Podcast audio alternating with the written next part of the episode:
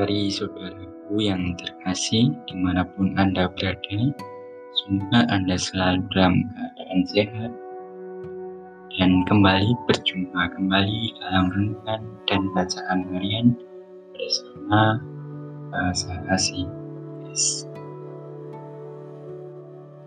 Hari ini tanggal 24 September 2020 kita masuk pada Kamis Pekan Biasa ke-25. Jadi siapkan hari kita.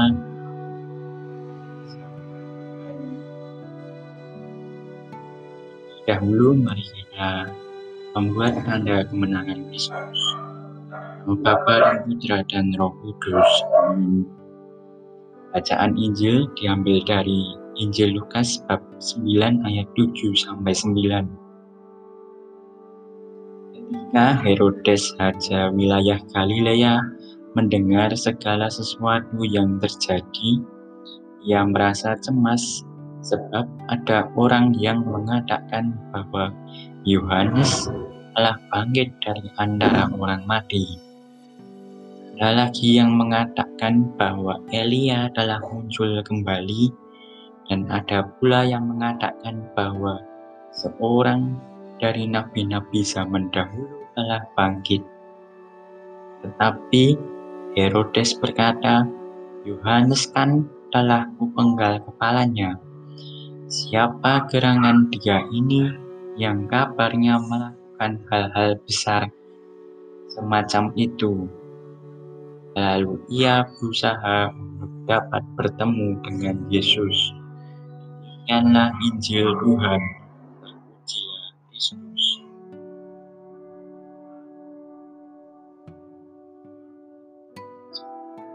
Saudara-saudariku yang terkasih,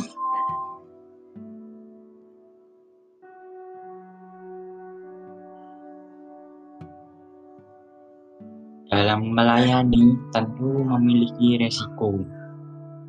Resiko menghadapi orang banyak dengan berbagai macam latar belakang, tantangan atau penolakan. Kemungkinan pelayanan yang kita bawa atau pelayanan yang kita beri itu membuat kita pada penderitaan. Karena barangkali mungkin ditolak. Tuhan Yesus tidak memberikan proteksi.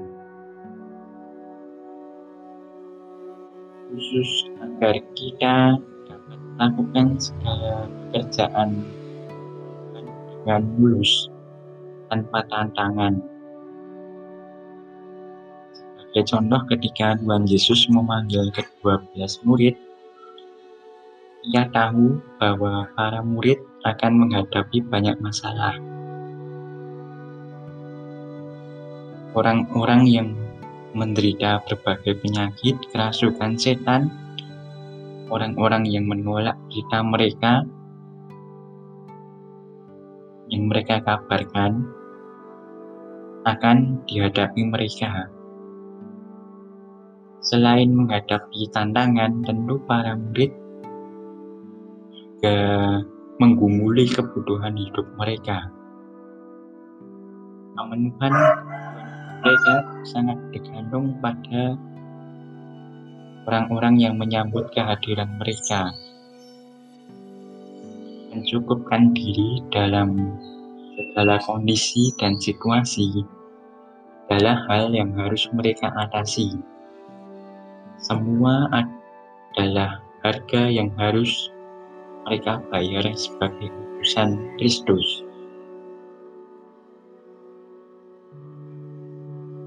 Terus dan diperlengkapi dengan kuasa dan tenaga, itulah yang terjadi atas para murid. Dan pelayanan hidup berat, maka Yesus berikan kepada mereka kuasa dan tenaga. Dan kuasa dan tenaga dari Kristus, para murid mampu mengatasi berbagai masalah dan tantangan karena itu tak kalah berita kerajaan Allah disebarkan ke seluruh wilayah, orang-orang sakit disembuhkan, orang-orang yang dirasuki setan dilepaskan.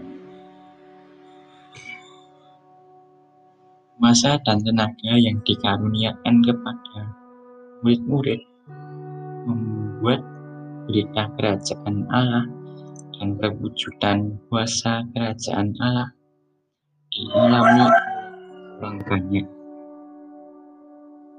Berita ini tersebar ke segala wilayah bahkan sampai ke istana Herodes. Banyak orang bertanya-tanya, siapakah Yesus yang menjadi pusat berita murid-murid? Herodes pun cemaskan ketenaran Yesus karena akan membuat posisi Herodes terancam.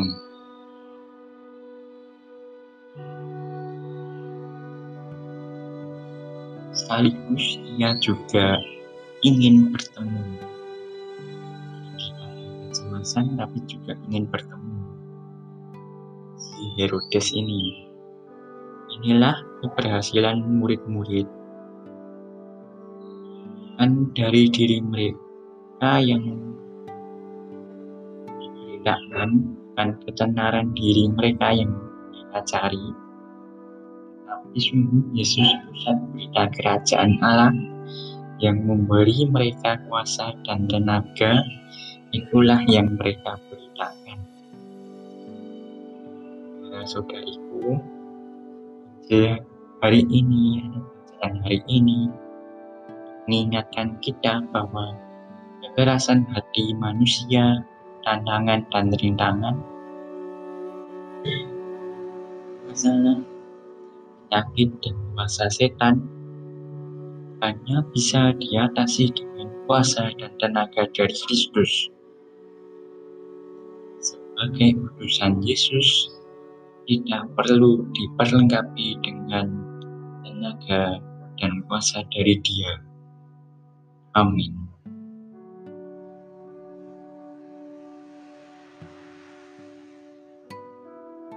Mari kita berdoa.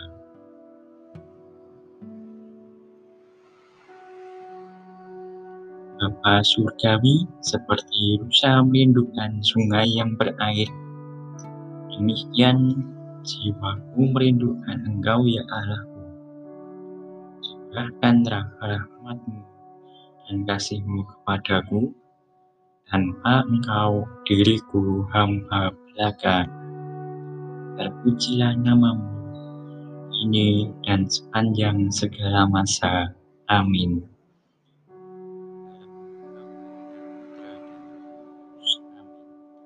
Terima kasih, selamat beraktivitas. Tuhan memberkati kita sekalian. Amin.